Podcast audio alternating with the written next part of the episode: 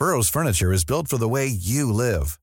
From ensuring easy assembly and disassembly to honoring highly requested new colors for their award-winning seating, they always have their customers in mind. Their modular seating is made out of durable materials to last and grow with you. And with Burrow, you always get fast, free shipping. Get up to 60% off during Burrow's Memorial Day sale at burrow.com slash ACAST. That's burrow.com slash ACAST. burrow.com slash ACAST. Cool fact a crocodile can't stick out its tongue. Also, you can get health insurance for a month or just under a year in some states. United Healthcare short term insurance plans, underwritten by Golden Rule Insurance Company, offer flexible, budget friendly coverage for you. Learn more at uh1.com. Mom deserves the best, and there's no better place to shop for Mother's Day than Whole Foods Market. They're your destination for unbeatable savings, from premium gifts to show-stopping flowers and irresistible desserts. Start by saving 33% with Prime on all body care and candles. Then get a 15-stem bunch of tulips for just $9.99 each with Prime. Round out Mom's menu with festive rosé, irresistible berry chantilly cake, and more special treats. Come celebrate Mother's Day at Whole Foods Market. Du lyssnar på LaxTon-podden. Spökjakt på riktigt. Mitt namn är Tony Martinsson. Och jag heter Niklas Laksonen. Tillsammans driver vi Sveriges främsta paranormala utredningsteam. LaxTon Ghost Sweden. Välkommen till LaxTon-podden Spökjakt på riktigt och eh, ja, Tony och Niklas här som vanligt. Ska du på dig själv den här gången Niklas? Niklas sitter här. Var den bra på? Det var... Okej, vi säger väl att det funkar. För den här gången. Vad ska jag säga då? Niklas sitter bredvid. Eller jag heter Niklas Laksonen och vi till... Nej, tom den. Där säger jag. Jag heter Niklas Laksonen och till min vänster... Nej, jag tar om den där. Nej, nu räcker Jag det. heter Niklas Laksonen och på min vänstra sida min bror Tony Martinsson. Så, Okej. då vart det riktigt på. Det låter som en radioshow där. Ja, okej, det blev ju nästan det. Ja. Eh, hur som hörni, tusen tack för förra veckan. Eh, så spännande. Martebo-ljuset. Jag trodde inte att så många hade upplevt det men Jesus vad vi har fått mail och messenger på folk som har sett det ljuset. Ja det är helt otroligt. Men det är det som jag tycker är kul med det här också, att alla upplever nästan samma saker. Mm. Vi måste dit, vi måste bara dit, vi måste undersöka det. Helt klart. Och det är bara att planera in för eh, dit, eh, dit ska vi. Alltså de här ljusen eh, måste vi bara få till. Vi var ju faktiskt på Gotland och spelade in eh, nya avsnitt för spökjakt. Men vi hann aldrig ta och åka ens till Martebo-ljuset. Vi passerade faktiskt byn. Ja vi såg skylten. Bara, wow, där är det Ja, men det var det vi såg. Ja. Men jag tittade noga och länge tittade jag men jag hittade ingen rak sträcka heller. Nej. Nej, men vi var ju inte så långt in i samhället. Vi var tvungna att åka förbi det där eh, och in i själva Martebo tror jag. Ja precis. Men eh, nej, det, vi måste dit. Det här måste undersökas. Jag menar, har vi en sån olustig känsla, du ser de här ljusen, det ser ut som någon som cyklar mot en. Nej, jag, jag vill bara kunna dokumentera det. Mm. Och hur har det gått Niklas nu då? Du, det är många som har hört av sig oroliga. För du, vi hade ju lite grann för två avsnitt sedan pratade vi om just det här med det som har hängt kring dig och vi pratade om ett medium som skulle hjälpa. Har du, vad har hänt sen sist? En liten update?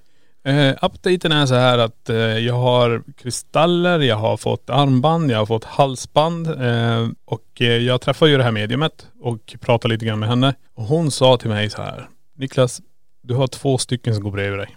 Du har en kille, eller kanske en man, som har en slags kappa. Han såg väl ut som någon slags gammal präst eller någonting tyckte hon. Och hon sa han är inte så på men det är den här andra energin som är så jädra på, som är så bitter, arg. Är det en man också eller? Det är en man. Och eh, hon berättade att den här mannen är frustrerad. Han vill att jag ska göra saker som inte han kunde göra något mer. Och det här var ju från Borgvattnet. Det är från Borgvattnet? Det var från Borgvattnet. Hon sa definitivt. Den här mannen, han har bott ensligt, bott ensam på en gård och eh, han var lite, vad ska man säga, desperat. Han ville åtgärda massa saker och vi har ju suttit och spånat fram och tillbaka under flera år nu. Det är ju två års tid vad det kan vara och den här kollisionen med energin jag gjorde på den övervåningen. Sen dess har det ju varit det här. Var någonstans är vi nu? Då är vi i Borgvattnets vandrarhem på Ja. övervåningen där. Och när de här stegen kommer springandes mot mig, men det är ingen som kommer, jag flyger bara bakåt och eh, därefter är det det som har hänt och den här energin har satt sig fast vid mig.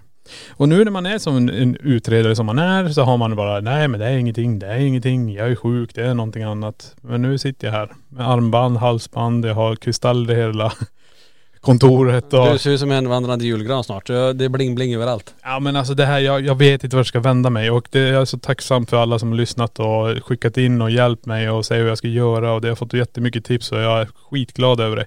För just nu finns det ingen annan, eh, jag vet inte vad jag ska göra.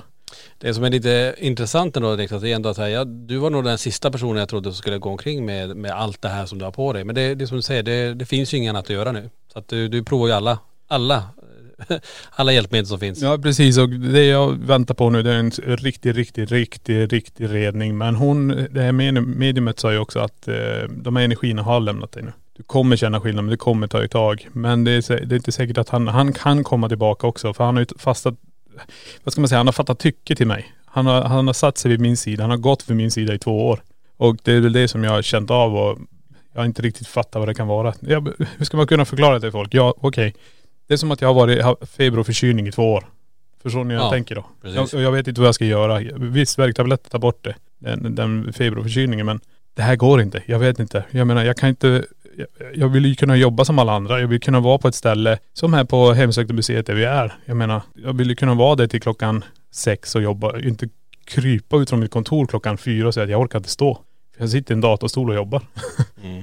Så det har varit så mycket sånt och jag är så glad att alla har hjälpt på sitt sätt jag har tagit till med alla tipsen och eh, nu bär jag de här kristallerna som jag ska rengöra, jag gör allting och jag bara hoppas på att det ska bli bättre. Kan ju berätta lite grann, vi var ju iväg eh, på en utredning och eh, vad hände med de här, du har ju på dig typ två armband eller? Är det ett armband? Jag bär två stycken armband nu som ska vara beskyddande på här och vi är på ett ställe här nu och spelar in och jag känner hur ena armbandet runt min handled på höger hand börjar bränna och jag bara, vad fasiken. Och jag tänkte så här, jag frågade mig nu, kan de här börja bli varma och svida? Alltså det börjar svida runt handleden. Och så ja det kan de göra, men är det värme eller är det kyla? Och jag bara, ja jag vet inte. Så satte jag handen dit under och så var det kyla. Så det var kylan som gjorde ont. Så jag tar ju det som att det är beskydd då. Men vi ska inte stoppa under stolen. Det var ett ställe där det var så helskottas laddat. Jag är glad att jag hade på mig allt det här. Då hade jag inte halsbandet som jag hade på mig nu. Det har jag tagit på när jag kom hem. Men, och det har jag på mig när jag är här nu. Så jag ska, jag, jag, måste, jag måste testa allt som går. Det är bara så det är.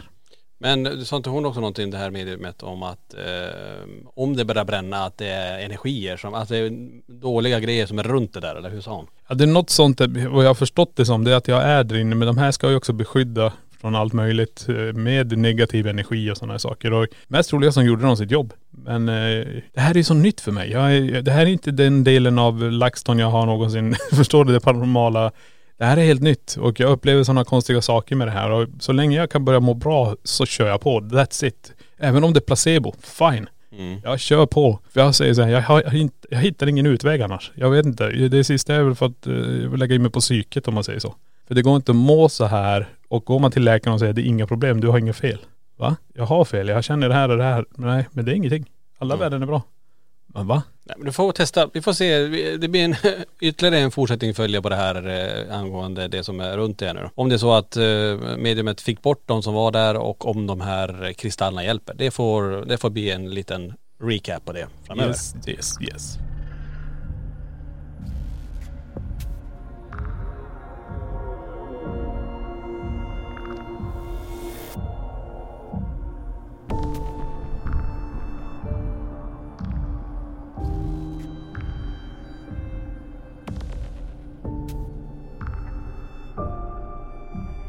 Nu hörni till dagens avsnitt och jag tänker Niklas du får, eh, du får inleda det här, den här, det här avsnittet. Jag får inleda det. Varsågod. Välkommen till LaxTon Ghost Sweden. Nej, eh, jag tänkte så här.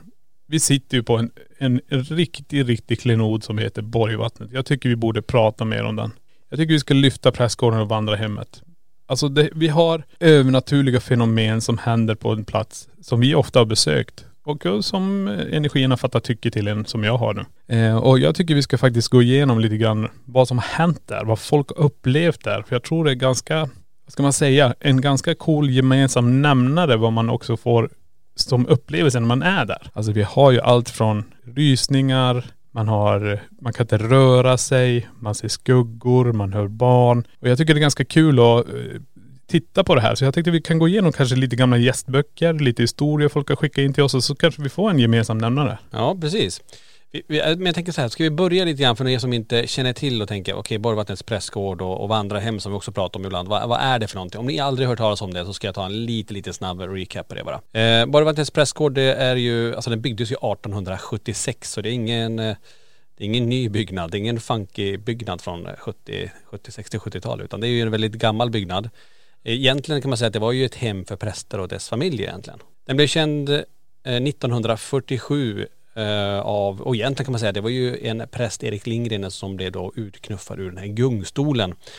Eh, det här kommer upp till ytan med hjälp av en journalist som började skriva om det här och sen exploderade ju media om att det hände övernaturliga saker i den här prästgården. Och vad jag vet så är ju det här det enda huset där den svenska biskopen går ut i media och talar om att det händer märkliga saker i en prästgård uppe i Jämtland. Och då får man tänka att kyrkan går ut där på 50-talet och pratar om det här. Det är ju, måste ju vara helt unikt i svensk historia egentligen. Hur ska man förklara det? Jag menar, präster ska ens prata om övernaturliga fenomen. Jag tror det handlar om också då att man har en, en viss syn på det eh, med kyrkan kring det här. Att när du, är, när du är nedsatt i jorden och då har du gått vidare. Men indirekt här säger de att det är någonting annat här. Det händer någonting annat när du dör. Det är det också tror jag som är ganska viktigt att ha i åtanke när de pratar om det här. För det, om de snackar om oknytt och troll och vättar och vänner. Äh, Vänern, det är väl en sjö? ja, det var något annat. Nej men jag tror det är ganska viktigt för dem eh, och också kunna titta på det. För det är ju också världsomvälvande för en präst som upplever sådana här saker. Varför kan det här ske när vi har satt någon i jorden och de har gått vidare? Det är vad jag tänker. Mm, och jag tänker också just det att eh, även fast Erik Lindgren där 1947 var, var den första som berättade om det så verkar det ändå som att fler präster hade upplevt saken men inte, inte berättat om det. Det som jag tycker är så, så spännande med det här huset, alltså vi har ju bara ägt det en väldigt, väldigt kort tid om man tänker på hur länge det har funnits. Och eh, backar man tillbaka då till 40-50-talet när det här hände så tänker man ju så att det var ju först på 70-talet som det här blev en, man ska kalla det för en kommersiell byggnad där man börjar hyra ut där för att folk ska få uppleva saker. Då på den tiden, alltså det fanns ju ingen vinning med det. Alltså när eh, biskopen Bolin går ut i media och talar om att det händer mystiska saker och att man vill utreda de här spökerierna. Det fanns ju ingen vinning på det, förstår du vad jag menar? Det fanns inget, inget marknadsföringssyfte eller, och det måste ju tagit emot på något vis ändå att gå ut med sån här, med sån här eh, statement eh, av kyrkan. Så det är ju, jag tycker det är superintressant att det ens finns en sån artikel. Vi har den faktiskt framför oss här nu. Ja. Och då står det faktiskt biskop Bolin vill utreda spökerier och mystiska händelser utspelas i Borgvattnets kommunist... Vad står det? Kommunist... Kommun... Kommunistergård. Kommunistergård ja, precis. Och det är från Länstidningen i Östersund 1947. Så att det är ju alltså enormt spännande faktiskt.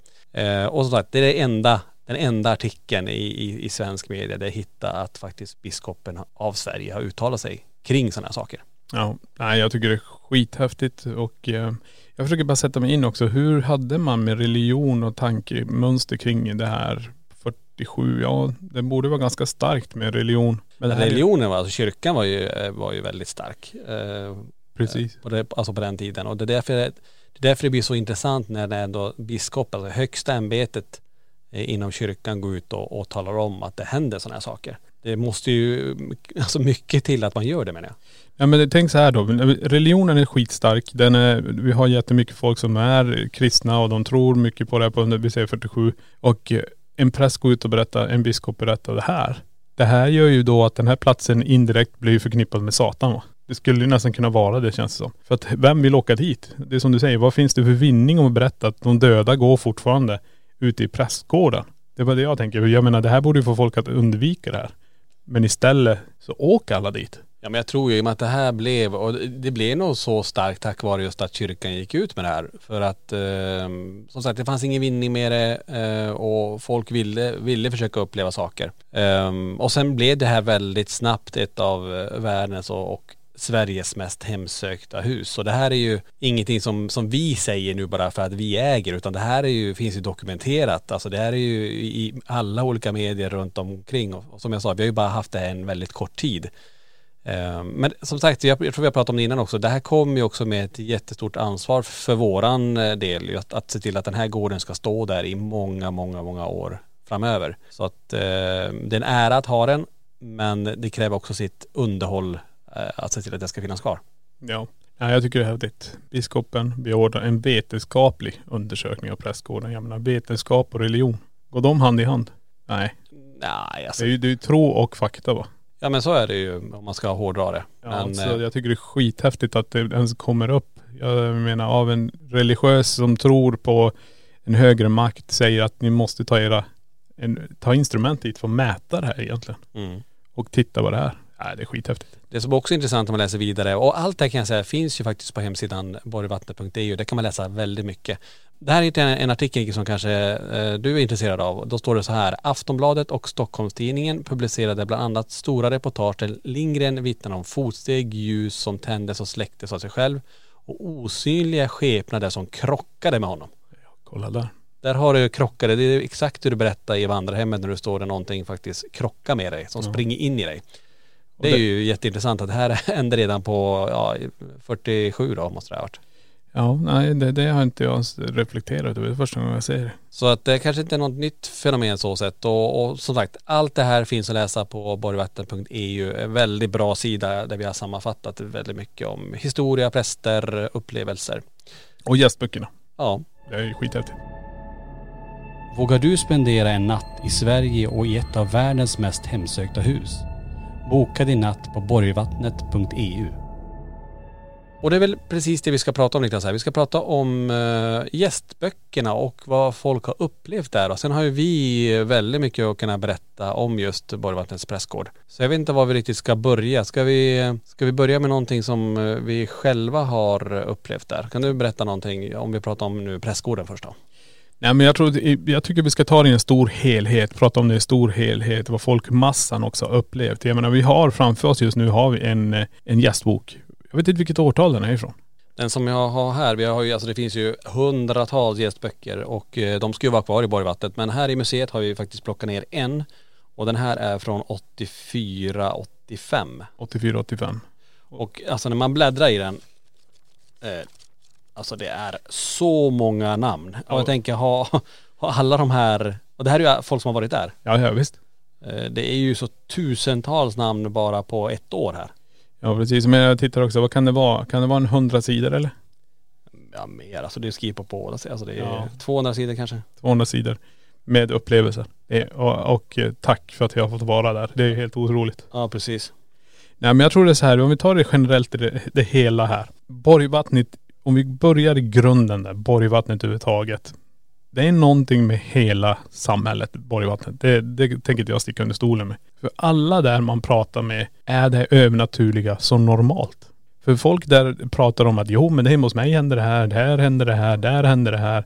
Det är helt otroligt hur öppet man bara pratar om det som att det vore en, en kusin eller en släkting som bara har kommit på besök eller något sånt där. Där man blir helt så här, jag brukar säga mindblown men Ja. det är helt otroligt hur öppet de pratar om det som att det, det är, det övernaturliga är naturligt där. Ja. Så det är skithäftigt. Det tycker jag är, är så jävla intressant. Och också det när man kommer till, till själva byn, att de har ju spöket på sina byaskyltar Borgvattnet. Eh, och då förstår man ändå hur starkt förknippat det är. Det är ju vad jag vet är den enda byn i Sverige som har ett spöke till, eh, till en logga för, en- för en by. Ja precis. Jättehäftigt. Nej men jag tror också så här, vi ska inte glömma också så här, det som finns i samhället, det är inte ungdomar heller. Det här är ju pensionärer. Ja. Och det är som du säger, vad har de på att vinna och säga att jag har spöken hemma? Ingenting. Det enda de har gjort när de har nämnt det till oss, det är att vi har det förtroendet att de kan lämna den historien. Mm. Och det tycker jag är så jädra underbart av dem, att de kan berätta så öppet till oss. Och då blir vi också lite så här, men vänta nu, hur kan det här vara så normalt för dig? Ja. Nej det är, det är, det är så det är. Det har varit så hela tiden. Det är, det är ingen fara. Det är, de stör inte. Men visst, ibland kan det vara jobbigt och du vet man bara, jaha, okej. Mm.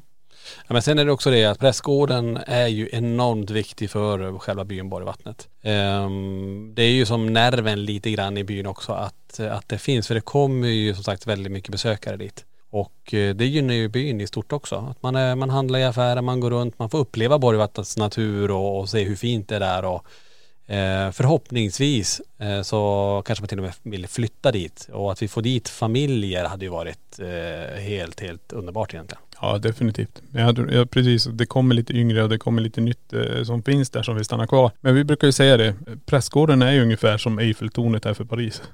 Ja, om man kan säga så. Ja. Ja, i alla fall eh, för, för byn Borgvattnet, men det är, det är superviktigt. Ja. Men ska vi ta några stycken, ehm, eh, vi har ju en gästbok på hemsidan på borgvattnet.eu. Ska vi, ska vi läsa någonting därifrån? Vi har ju, vi får ju in en hel del, eh, ja men vad folk upplever där. Vi har ju alltså själva prästgården men vi har också vandrarhemmet. Men det jag kommer läsa upp nu det är ju olika händelser som har hänt i prästgården. Och vi har ju kammaren, vi har expeditionen, vi har gråterskornas rum, vi har eh, gula rummet, blåa rummet och rosa rummet. Men sen ska vi inte glömma att vi har de här allrummen på båda våningarna. Vi har det stora bordet i allrummet längst ner. Och så har vi ett mindre bord på övervåningen men där har vi också den här, vad kallas det med de här kulorna? Nu glömmer jag bort det. Det var en kul ramen där. Kulramen är det ja. Men jag tänkte vi börjar här med en historia som kommer från eh, kammaren. Det här är en gäst som har skrivit in i gästboken. På morgonen låg jag vaken och hörde andetag. Innan vi skulle åka därifrån hade vi bäddat och gjort fint i rummet och skulle gå en sista gång. Vid det tillfället var vi själva i huset. Då var överkastet halvvägs nedslitet på golvet. Mm, coolt. Ja, och det här hände i kammaren. Och det här är 2020, det är ganska nyligen. Ja, Det är väl förra säsongen. förra året ja. Och här kommer ett från eh, gråterskornas rum. Det här är från 2014. Hörde vid flera tillfällen knackningar från allrummet och på morgonen vaknade jag av att det stökades på nedervåningen. Trodde att de andra i sällskapet var vakna, men när jag klev upp så låg alla och sov.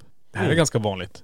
Det här har vi hört mycket om. Mm, det som är intressant är, hörde vid fler, flera tillfällen knackningar från allrummet och nu sov ju hon i gråterskornas rum och det där är något fenomen som hände mycket förra året. Många pratar om knackningarna i vägg. Eh, så det har ju gått typ sex år emellan eh, det här hände. Så det var intressant. Ja. Men det är ju de här knackningarna som är ganska intressanta. Det har vi också märkt nu under de säsongerna vi har haft att de har hoppat mellan rummen. Jag tror det var det blåa det började. Från början. Ja, och sen var det inne i gula rummet. Precis. Och har det varit nere någonting i rosa rummet där? Jag kommer inte ihåg vilket rum det har varit sen. Eller expeditionen. Nej det, det har hållit sig faktiskt på övervåningen. För sen, sen är det gråterskornas rum. Okej. Ja precis. Men vänta nu. Vi upplevde ju också saker därifrån när vi var där. Eh, knackningar från väggen mot vinden. Ja men det är ju där. Ja. Det är där gästerna har upplevt att det är. Precis. Och det har ju vi också upplevt. Så det är ju intressant. Eh, det här kommer som är generellt eh, prästgården då.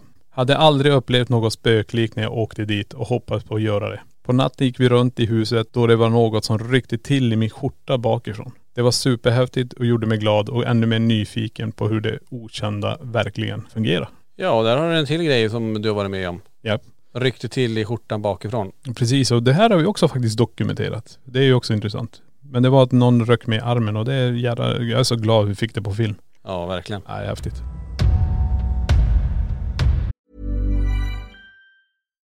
Hey Dave, Yeah, Randy. since we founded Bombus, we've always said our socks, underwear, and t shirts are super soft. Any new ideas? Maybe sublimely soft. Or disgustingly cozy? Wait, what? I got it. Bombus. Absurdly comfortable essentials for yourself And for those facing homelessness. because one purchased equals one donated. Wow, did we just write an ad? Yes. Bombas. Big comfort for everyone. Go to bombas.com slash ACAST and use code ACAST for 20% off your first purchase. Quality sleep is essential. That's why the Sleep Number Smart Bed is designed for your ever evolving sleep needs. Need a bed that's firmer or softer on either side? Helps you sleep at a comfortable temperature? Sleep Number Smart Beds let you individualize your comfort so you sleep better together. JD Power ranks Sleep Number number 1 in customer satisfaction with mattresses purchased in-store. And now save 40% on the Sleep Number limited edition Smart Bed for a limited time. For JD Power 2023 award information, visit jdpower.com/awards. Only at Sleep Number stores or sleepnumber.com.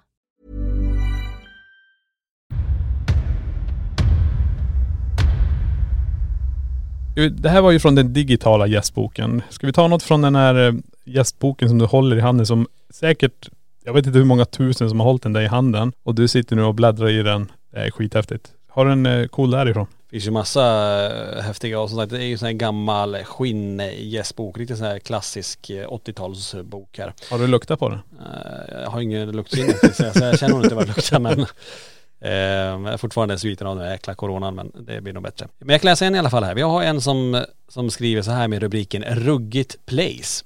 Lite- Det var lite 80-tal på det. Ja, det var det. place med P-L-E-J-S, Place. Ja. Ja, inte. Eh, han skriver så här, för det är en han som heter Tom ser jag längre ner också. Vi fick inte en blund i ögonen. Det flög bord, det flög möbler. Iskalla vindar slående dörrar, fotsteg på vinden, gungstolar som knarrar, ihållande skrik, gråtande skepnader, eh, men sist men inte minst gråvita skepnader vid sängen. Klockan fyra på morgonen blev vi väckta av en klagande röst som antydde att vi skulle lämna prästgården, vilket vi också gjorde. Så det är lite coolt ändå. De hör röster. Att det här var ju hur mycket som helst de hade fått uppleva. Står det datum och år där? Ja, om det står. Det är alltså 1984 den 25 i åttonde, alltså 25 augusti. Ja, så det här är ju det här är ju intressant. Det här måste ju ni också som kanske bara lyssna på det här. Men för oss är det väldigt intressant. Om vi åker tillbaka den 25 i åttonde den månaden och är där, kommer vi få uppleva samma saker. För om vi pratar om det här energiminne som återspelas. Det här är ju skithäftigt.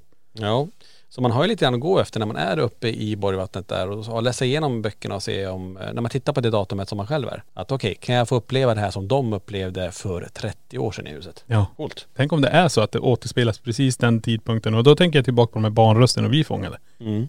Och de tror jag faktiskt vi var på rätt plats, rätt tid och rätt eh, dag egentligen. Ja. Ska jag ta en annan här? Det här är en person som var två dagar i prästgården. Det här var den 26 till 28 juli 1985. Eh, och de som har skrivit det här det är Kersti och Roine Lindqvist från Uppland. Det är lite kul.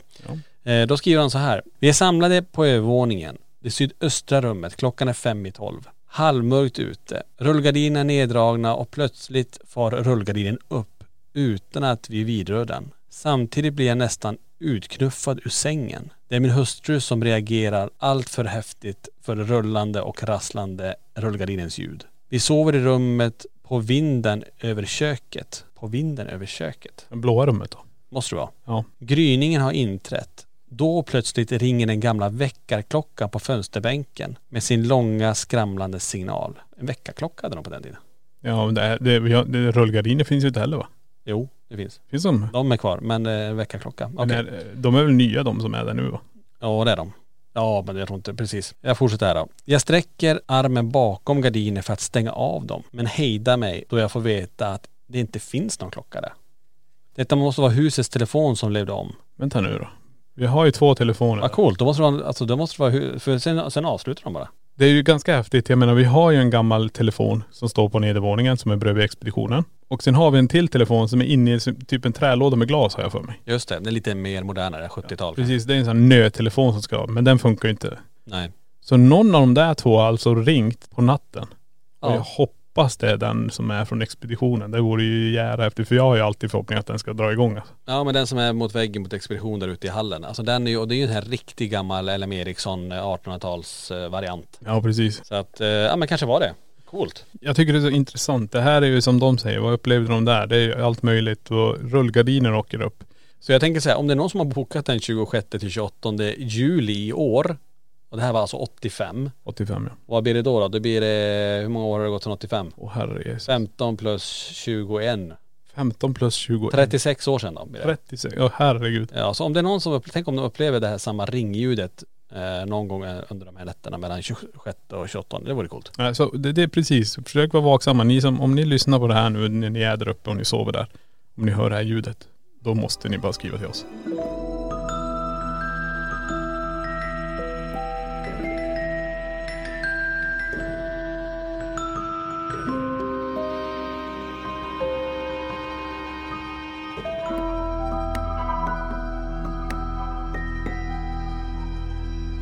Jag tänker också, alltså prästgården det har ju de här klassiska sakerna som, eh, som hände väldigt tidigt. Och vi har ju eh, Inga Flodin till exempel som vaknade upp i gråterskornas rum som såg de här gråtande kvinnorna. Det är ju typiskt för gråterskornas rum eh, den här händelsen och så, som jag tycker sticker ut.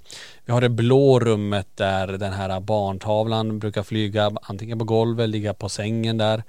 Vi hade ju ett event där vi hade övervakningskameror där inne där eh, deltagare springer ut till oss och bara ber oss stoppa inspelningen för att kolla igenom.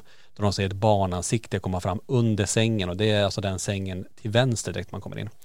Där har vi också eh, att folk känner att någon kommer och sätter sig med dem i sängen. Vi hade en mamma och en son där mamma känner hur någon tar tag i fötterna på henne och drar henne ur sängen. Ja just det. Och sonen vaknar upp och ser någon med lykta utanför rummet som står där. En svart skepnad. Eh, gula rummet. Det klassiska där, det är ju det att många känner jätteobehag och hör skrik eh, där uppifrån. Och vissa tror ju att Per Hedlund då hade Märta Hedlund uppe i det rummet just. Mm. När hon eh, var död. Går vi ner en våning så har vi då rosa rummet och rosa rummet är ju där i hörnet eh, det sägs att det här spädbarnet ligger begravt. Eh, Prästen gjorde ju pigan gravid och sen tog ihjäl barnet och begravde det på kortsidan där. Vi hade ju en äldre person som var där som jag och eh, Linda träffade faktiskt och hon eh, trodde inte alls på det övernaturliga. Hon var där med sina, sin dotter och hennes man. De sover i expeditionen, dottern och mannen och hon får sova i det rosa rummet själv.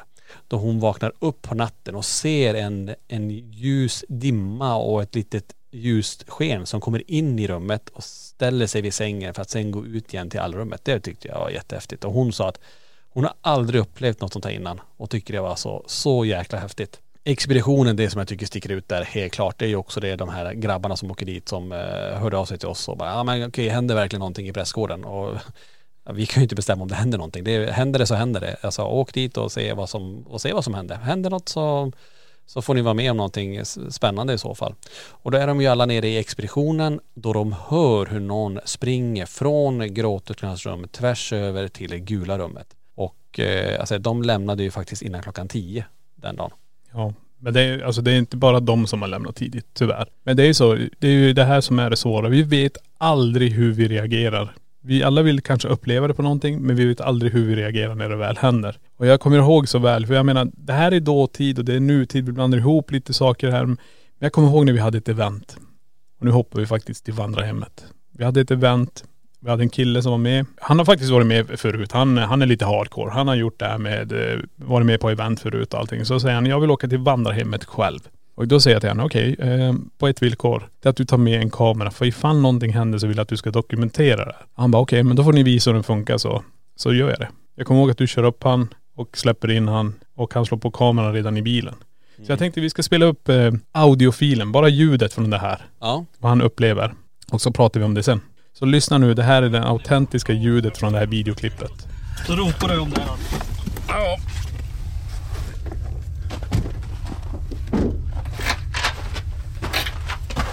Då låser vi sen.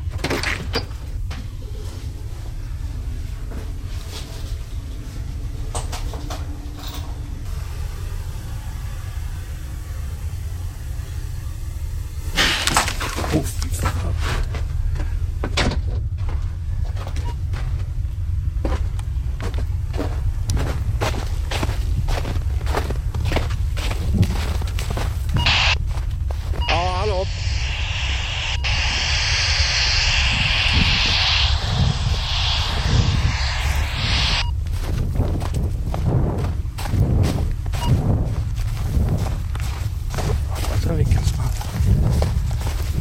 Ja det hör ni ju faktiskt eh, hur det kan vara. Nu är det ju svårt om man inte ser det här rent kanske visuellt. Men den smällen som kommer från andra våningen där uppe får ju han att sticka ut väldigt, väldigt snabbt. Ja, ja. Eh, Han, jag vet inte hur reaktionen är. Han blir ju verkligen såhär bara, nej jag måste, nej fy fan tror jag han säger något sånt där och så går han ut. Ja, men nu ska vi ha i åtanke också här. Det har kommit ungefär 20 centimeter nysnö. Han har tennisskor. Det är 200 meter kanske, nej 150 meter ner och gå till vart vi är. Han har fått en walkie-talkie och han kommer ut, han trycker in knappen och ska ropa och det bara brusar. Ja. Det här är, så går det inte till med walkie-talkien. Den ska skicka en signal till oss som vi ska uppfatta och vi ska skicka då ett svar tillbaka att vi har uppfattat den. Men han kan inte få iväg en signal. Det här är så jävla otroligt och då har han tagit sig kanske 10 meter från huset men fortfarande stör huset ut till och med kommunikationen så inte han kan komma fram till oss. Nej. Och det här tycker jag är så jävla häftigt. För han lämnar alltså byggnaden när garderobsdörren smäller igen. Då blir det för mycket för han. Och går ut och försöker kom, kontakta oss så att vi ska komma och hämta han. Men han kan inte. Så han promenerar hela vägen ner till oss. Och när han kommer in så säger du, ja men varför ropar du inte? Han bara, jag har försökt, jag har försökt. Vi får kolla på videoklippet, så tittar vi på videoklippet. Och, och det var det ni fick höra nu, ljudet från det videoklippet. Så det är som jag sa tidigare, man vet aldrig hur man reagerar. Nej. Äh, så häftigt och um, vandrarhemmet är ju en speciell byggnad. Ehm, alltså jag har ju den händelsen när jag åker upp dit och ska ehm, kolla ifall det finns telefonuttag där i huset och känner den här olustkänslan att jag inte gärna vill gå in där själv. Men jag gör det i alla fall. Men när jag kommer upp och har passerat kyrkogården ser jag ändå att det lyser ju i ytterbelysningen. Och när jag då ska precis sätta in, jag sätter in nyckeln faktiskt i hålet och ska vrida om nyckeln så släcks ytterbelysningen. Alltså den känslan när jag vet att knappen för att stänga av belysningen är på insidan av dörren. Mom deserves the best, and there's no better place to shop for Mother's Day than Whole Foods Market. They're your destination for unbeatable savings, from premium gifts to show-stopping flowers and irresistible desserts. Start by saving 33% with Prime on all body care and candles. Then get a 15-stem bunch of tulips for just $9.99 each with Prime. Round out Mom's menu with festive rosé, irresistible berry chantilly cake, and more special treats. Come celebrate Mother's Day at Whole Foods Market. Imagine the softest sheets you've ever felt. Now imagine them getting even softer over time. That's what you'll feel with Bowl and Branch's organic cotton sheets. In a recent customer survey, 96% replied that Bowl and Branch sheets get softer with every wash. Start getting your best night's sleep in these sheets that get softer and softer for years to come. Try their sheets with a 30-night guarantee. Plus, get 15% off your first order at bowlandbranch.com. Code BUTTERY. Exclusions apply. See site for details. Planning for your next trip? Elevate your travel style with Quince. Quince has all the jet setting essentials you'll want for your next getaway, like European linen, premium luggage options, buttery soft Italian leather bags, and so much more. And is all priced at 50 to 80% less than similar brands. Plus, Quince only works with factories that use safe and ethical manufacturing practices. Pack your bags with high-quality essentials you'll be wearing for vacations to come with Quince. Go to quince.com slash pack for free shipping and 365-day returns. Det var verkligen som att huset var medveten om att jag skulle komma och jag säger, jag har aldrig gått igenom det huset så, så fort som jag gjorde då. Nej. Det var ungefär som att hundra pers stod och bara motade en ut därifrån. Det var väldigt obehagligt. Det här precis och, och jag tycker det är så intressant också. Folk har också upplevt saker i det där huset som är exceptionella egentligen. Eh, Det, det är instrument som går igång, det är ett tryck och man känner olika saker även när man sover. Det, och det är det jag tycker är så fascinerande i huset. Att det är där det hände med mig. Det var där jag kolliderade med energin som vi pratade om tidigare. Och det är det som också har satt sina spår. Ja. Och jag tycker det är, det är intressant men jag säger också så här, det, det har varit tungt att ha det här eh, gående bredvid sig utan att man har fattat det. Men det här är ju också så här, jag, jag ska inte sitta här och klaga för grejen är så här, har du gett dig in i leken får du leken tåla.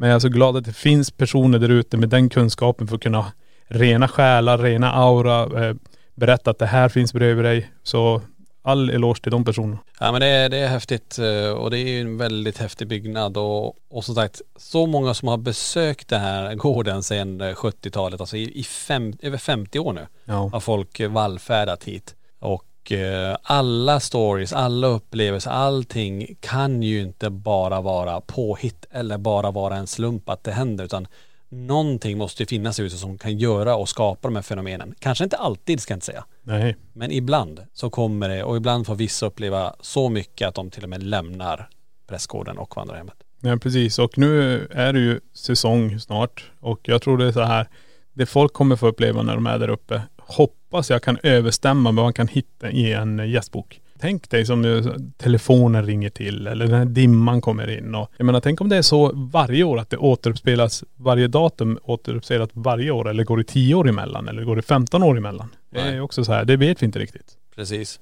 Så egentligen, vet du vad vi ska göra gjort? Nej. Eh, vi får anställa någon som sitter och går igenom alla eh, gästböckerna och sammanställer datum när aktivitet har skett. Ja och så bara gör en logg på det att Ja. eh, alltid den 26 då upplever man steg gående eh, Ja. klockan 00. Vilket jobb att gå igenom alltså. Ja men jag säger så här, hade, inte, hade vi haft tid så hade jag tyckt det varit väldigt fascinerande för då kan du verkligen se en röd tråd i det hela. Ja. Och då kan man stapla upp det och säga att okej, det här tiden då, då är det mest och det här är det då. Men generellt så vet vi att Prästgården levererar ju från dag ett den öppnar tills den dag vi stänger ner det för säsongen. Ja, det som kan vara svårigheten bara det är ju det att alla skriver ju inte ner sina, sina upplevelser i gästböckerna. Nej. Ehm, utan vissa lämnar ju faktiskt innan. Men hur som, det är en väldigt spännande, spännande pressgård. Och om man vill åka dit, alltså det, många undrar var ligger den här pressgården? Och den ligger faktiskt 10 mil från Östersund. Alltså den ligger i Jämtland. Om man säger Östersund rakt upp och lite till eh, höger kan man säga att det blir. Om, om ni förstår. Om du tittar på kartan hur då? Ja men det, det ligger.. Det är en nordlig riktning. Ja, ja men det ligger mitt i eh, ett jättefint alltså natur. Alltså verkligen, verkligen fin natur. Ja, ja, ja. Växer byn upp där. Och eh, med Borgsjön nedanför där så, ja det, eh, om man bara vill åka dit på dagen kan man göra det också. För det är ju, det är ju så faktiskt väldigt, väldigt vackert där. Jag menar bara vägen in från Sundsvall till eh, Borgvattnet så har du mycket sevärdheter där också. Mm. Och ta den här avstickan och åka in och där kan du hålla på och titta på saker lätt över en vecka om man vill. Och jag menar bara i Borgvattnet har du ju, som Tony säger, det är, det är vattnet, du har naturen, du har det spökhuset och du har vandrarhemmet och du har energiträdet. Alltså det är mycket, mycket du kan titta där. Så det är det som är så fascinerande och åka dit upp på sommaren och bara stå och titta där. Det är många som upplever saker bara genom att vara där och titta på det. Ja. ja. Nu har ni fått lite grann om vad andra personer har upplevt uppe i Borgvattnet och det är en spännande by, det är en väldigt spännande historia eh, långt tillbaka i tiden och tusentals och åter tusentals som har upplevt saker och de som faktiskt har sovit över har ju dessutom fått ett diplom för att man har klarat av att vara där en hel natt. Så har ni planer i sommar eh, eller till hösten här att åka upp till Borgvattnet så hoppas jag att ni får uppleva någonting spännande där uppe. Man kan ju inte garantera någonting men eh, som sagt många har upplevt saker. Eh, för det är två spännande hus och vi säger ju fortfarande oavsett vilka platser vi har varit på runt om i Sverige och ute i Europa så är Borgvattnets prästgård och vandrarhem definitivt högst upp på listan just nu. Bara för att det är där vi upplevt de starkaste fenomenen. Men, så vi ska inte sticka under stolen också. Det är här vi har spenderat mest tid. Ja. Och det är inte så konstigt. Har vi varit, tänk om vi hade också haft chansen att vara på andra ställen lika mycket. Så skulle vi kunna säkert säga definitivt att det här också är. Men just vi har varit så mycket i Borgvattnet och det är de starkaste övernaturligaste händelser som har hänt för oss är därifrån. Så att eh, visst är det så, vi har ju spenderat tiden där så det ökar ju sannolikheten att det är faktiskt, eh, att man får vara med om någonting. Ja. Bra hörru, det var ju ett eh, spännande avsnitt och hoppas att ni också tycker att det var ett spännande avsnitt att lyssna på lite grann av det folk har upplevt därifrån. Och som sagt det finns tusen och åter tusentals berättelser därifrån. Men gå in på borgvattnet.eu om ni vill läsa mer eh, kring hur man bokar husen eller om det är så att man vill läsa mer om eh, historier där uppe. Och glöm inte bort också, ni som har varit där uppe, ni kanske har hört, okej okay, det här datumet vi pratar om nu, ni kanske har varit och upplevt det här. Så vi har ju eftersnack för podden på, vad är det, spökjakt, eh, eftersnack, podden eftersnack. Spökjakt eftersnack. ja, jag blandar ihop alltihop. Nej men gå in där på spökjakt eftersnack och eh, lägg in hela historia om ett annat. Och då kan vi också, som jag snackade om, kan vi då börja sammanställa lite grejer och titta gemensamt nämnande där. Jag menar ni som sitter på eran upplevelse, ni kanske har skrivit gästboken också, men skriv den en gång till. Det är aldrig fel att dela med sig till alla andra, för det är det som är så jävla häftigt med det här. Och då kanske vi kan säga att, ja, den 25 augusti klockan två, då hör man alltid klockan i köket slå. Åh, det var rim på den där. Ja. Ja. Det var väl Kom du på det själv? Den bara kom till mig nu. ja, det var häftigt. Ja. Ja men grymt hörni. Tack för att ni har lyssnat eh, på LaxTon-podden och nästa vecka är vi tillbaka med ett nytt spännande avsnitt och vad det blir, ja, det får ni se då. Eller se, ni får lyssna på det då. Får vi lyssna på det då? Nej, vi ska titta på podden. Nej, ha det bra allihopa så hörs vi nästa vecka. Tack, tack. Hej, hej. Tack för att du har lyssnat på LaxTon-podden. Spökjakt på riktigt.